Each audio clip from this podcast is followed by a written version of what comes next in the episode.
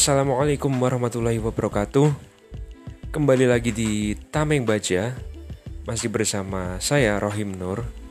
Kali ini kita akan membahas Mengenai kabar gembira Kabar yang cukup membanggakan juga tentunya bagi masyarakat Indonesia Yaitu kabar dari atlet-atlet Indonesia Dari cabang olahraga bulu tangkis atau badminton yang baru saja bermain di turnamen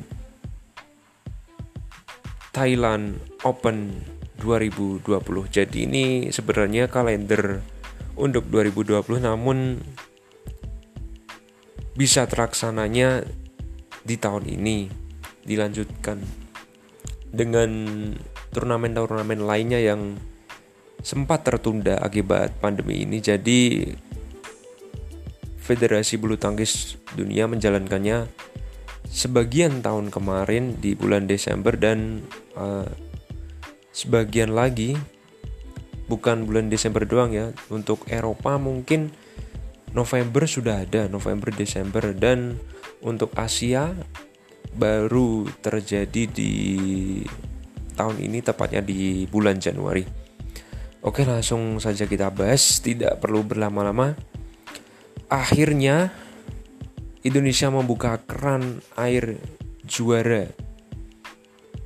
Kali ini didapat di sektor ganda putri di mana pasangan Indonesia, Gracia Poli dan juga Apriani Rahayu berhasil mempersembahkan gelar juara Super 1000 turnamen level tertinggi BWF di mana mereka mengalahkan pasangan ganda putri tuan rumah Thailand dengan dua game langsung dan cukup menang dengan meyakinkan sekali di mana mereka menguasai jalannya pertandingan. Dan juga selain Gracia dan Apriani, Indonesia berhasil juga membawa pulang satu gelar runner up yang didapat dari ganda campuran Praven Jordan dan Melati Daiva yang sayang sekali harus mengakui keunggulan pasangan tuan rumah Thailand dengan tiga game. Oke langsung saja kita bahas satu persatu dulu di mana kita akan bahas tentang kabar gembira yaitu akhirnya Indonesia bisa mendapatkan gelar juara dari sektor ganda putri di turnamen level Super 1000 BWF di mana level ini level yang cukup prestisius dan menggiurkan bagi atlet-atlet bulu tangkis di dunia di mana atlet-atlet bersaing dengan ketat untuk melaju hingga babak final dan mendapatkan gelar juara karena ini selain hadiahnya terting selain hadiah total hadiahnya tinggi juga poin yang didapatkan juga tidak main-main untuk peringkat dunianya. Jadi uh, para atlet dunia akan berjuang semaksimal mungkin di turnamen tingkat level super 1000 ini dan kabar gembiranya yaitu tadi Gracia dan Apriani berhasil membanggakan masyarakat Indonesia dan juga membuat sejarah. Tentunya selain sejarah perdana bagi mereka berdua yaitu gelar perdana di turnamen level 750 sampai 1000 pertama buat mereka. Selain itu juga membuat sejarah bagi dunia bulu tangkis Indonesia di mana akhirnya ganda putri menyumbangkan gelar juara pertama. Cukup lama sekali ya.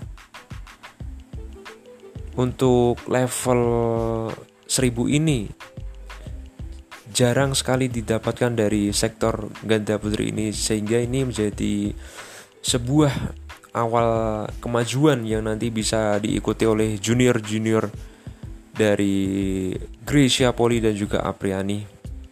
Dan juga selain itu yang menjadi trending juga ini menjadi sejarah bagi seorang Gracia Poli yang sudah lama berkarir menjadi atlet badminton dan akhirnya baru sekarang ia berhasil mencapai gelar juara di turnamen level atas BWF ini sungguh Perjuangan yang tidak mudah tentunya di mengingat usia Gracia yang sudah menginjak kepala tiga yaitu 33 tahun.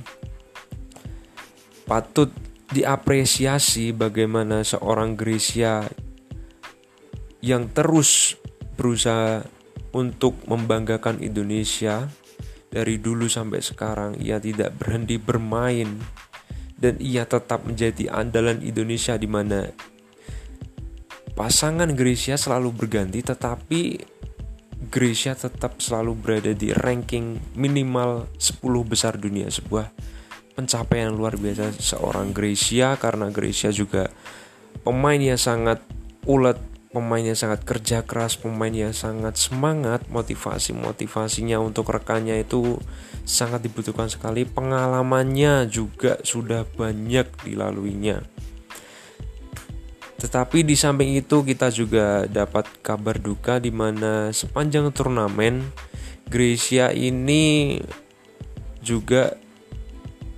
memikirkan keluarga yang di Indonesia di mana keluarganya saat ini sedang sakit ataupun sedang diisolasi mandiri karena terdampak COVID juga. Selain itu juga kabar duka dari keluarga Gracia Poli di mana baru baru-baru ini kakak dari kakak kandung dari Gracia juga meninggal dunia. Jadi wah ini menjadi sebuah tantangan tersendiri bagi Gracia dalam menghadapi turnamen Thailand Open ini di mana ia harus bermain membawa nama Indonesia. Tapi di sisi lain dia harus meninggalkan keluarganya sedang sakit yang juga sedang habis berduka karena kakaknya meninggal itu menjadi sebuah tantangan dan berhasil dilewati Gracia dengan pengalamannya bermain bulu tangkis dan juga ketabahannya dalam menghadapi cobaan ini dengan mempersembahkan gelar juara bagi keluarganya. Luar biasa.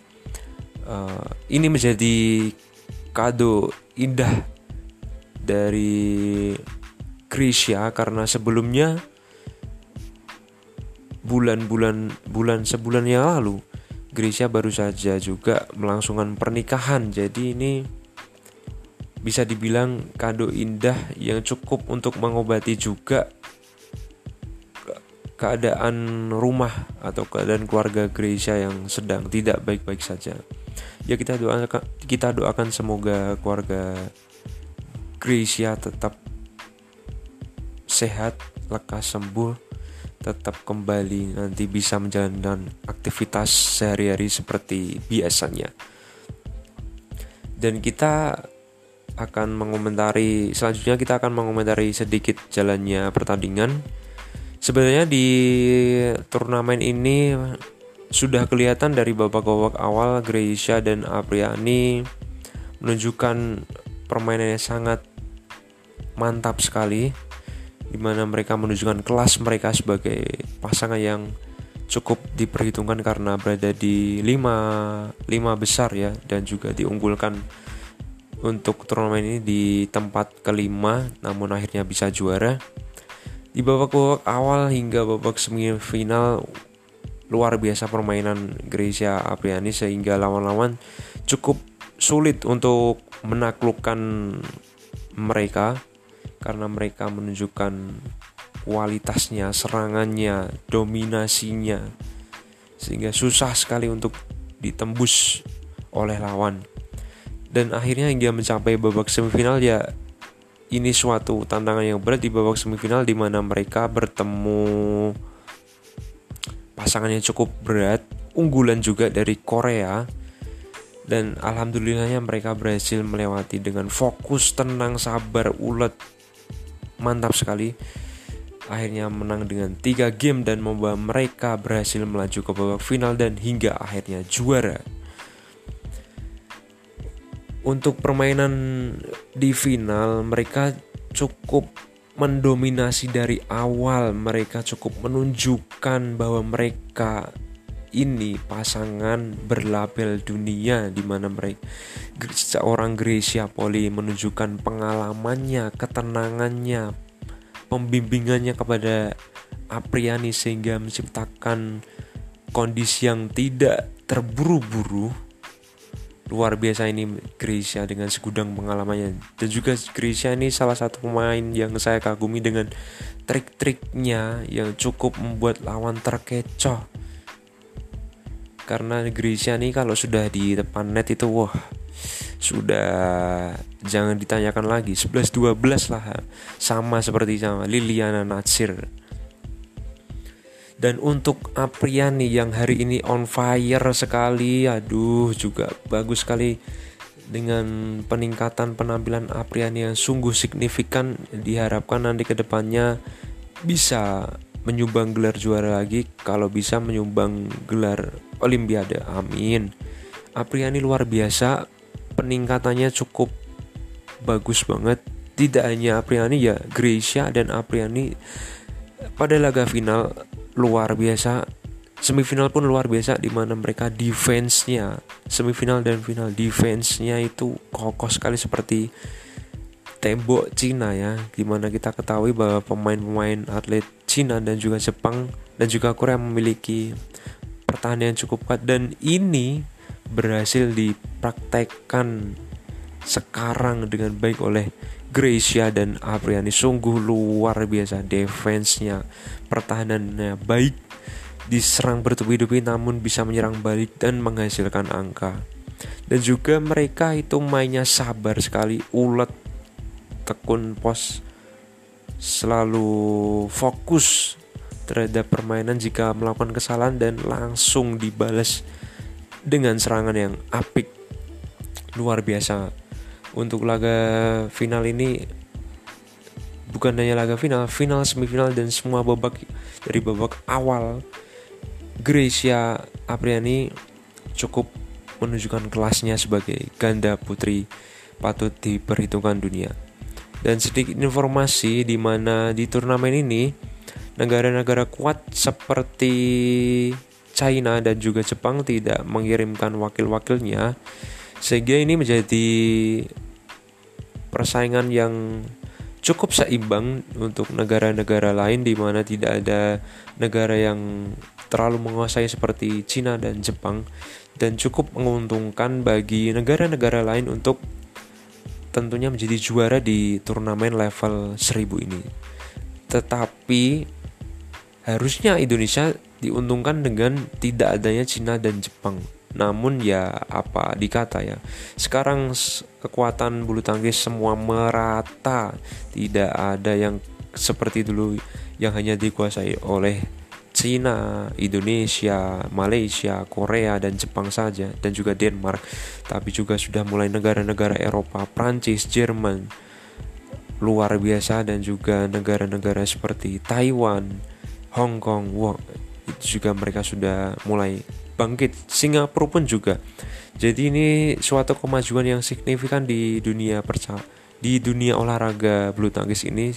Kekuatannya merata sehingga menghasilkan juara-juara baru yang tidak terduga dan menghasilkan persaingan yang lebih ketat dan lebih sehat tentunya.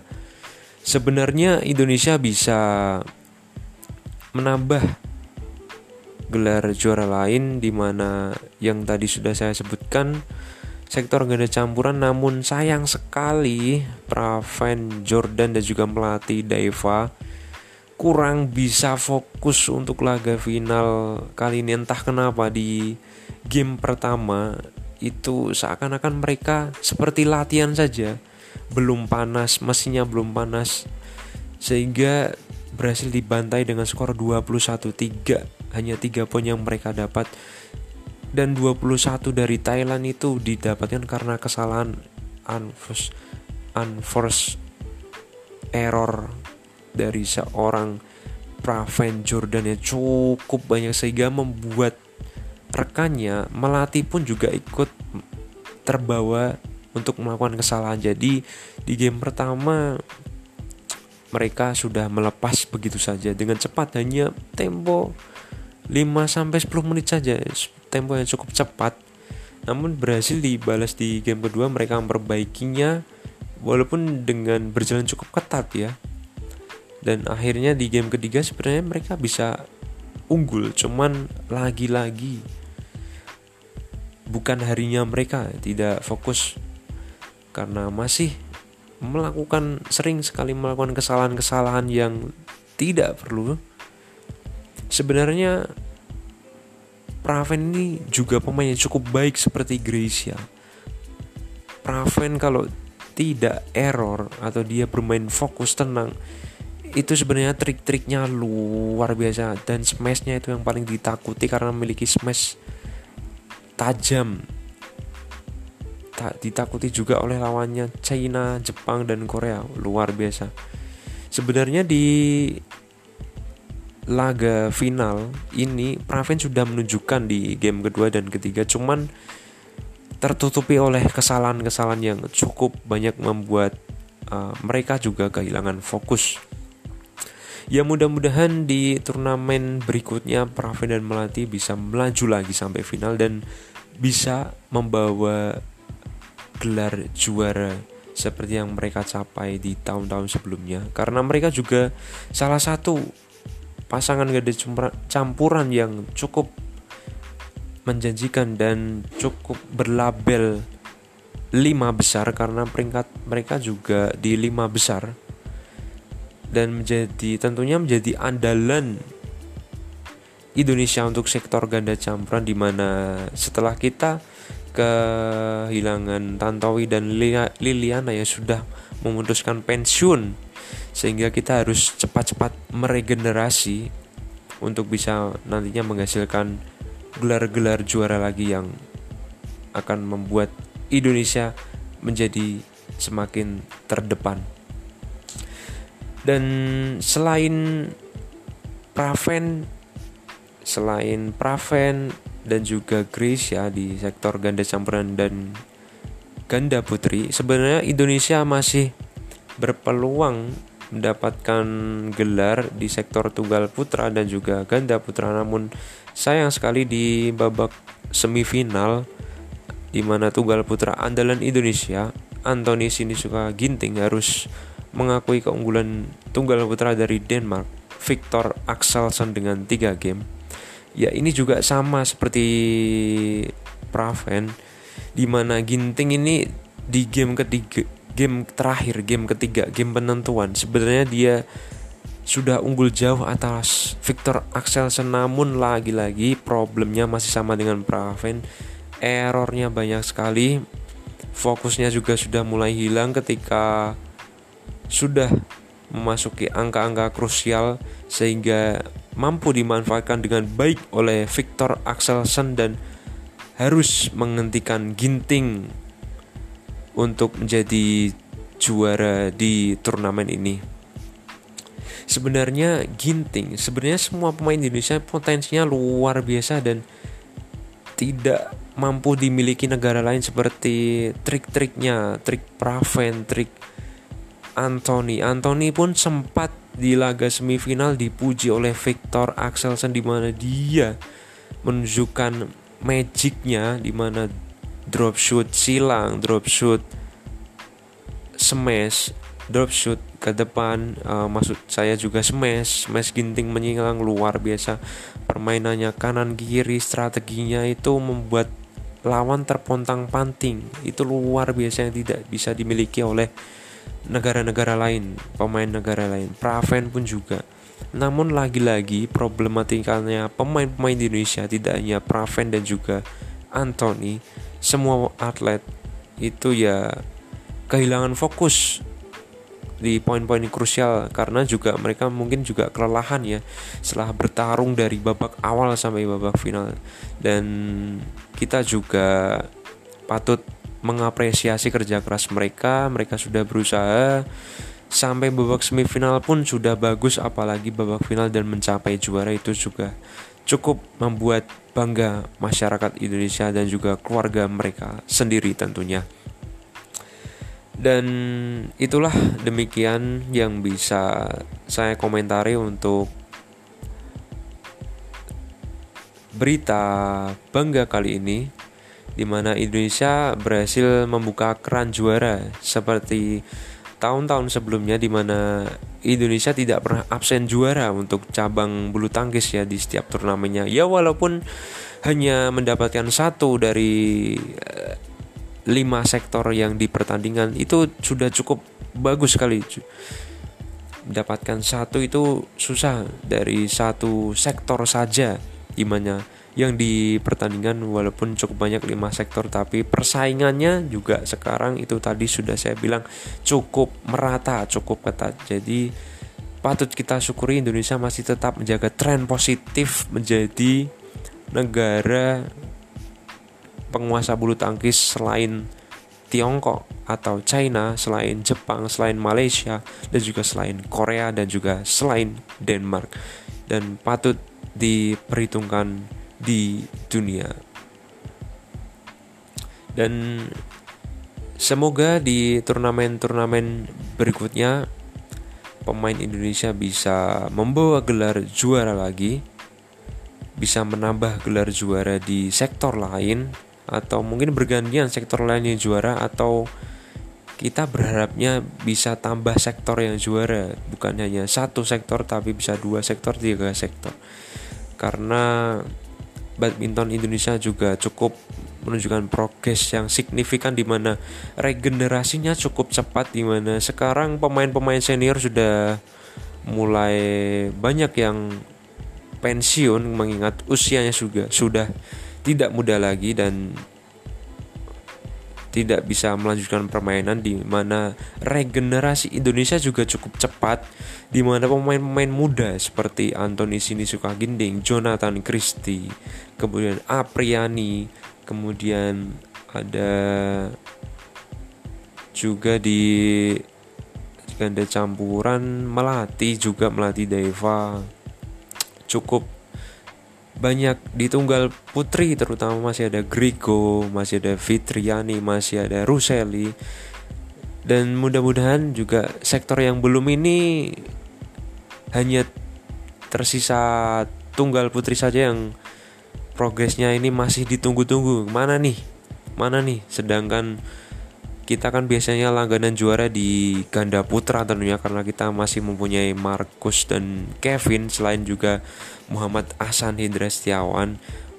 Dan kemarin Markus dan Kevin tidak bisa ikut turnamen di Thailand karena se beberapa hari sebelum berangkat ke Thailand dilakukan uji tes COVID di mana Kevin dinyatakan positif jadi terpaksa tidak bisa melanjutkan turnamen. Sayang sekali padahal ini momen terbaik bagi Marcus dan Kevin untuk comeback.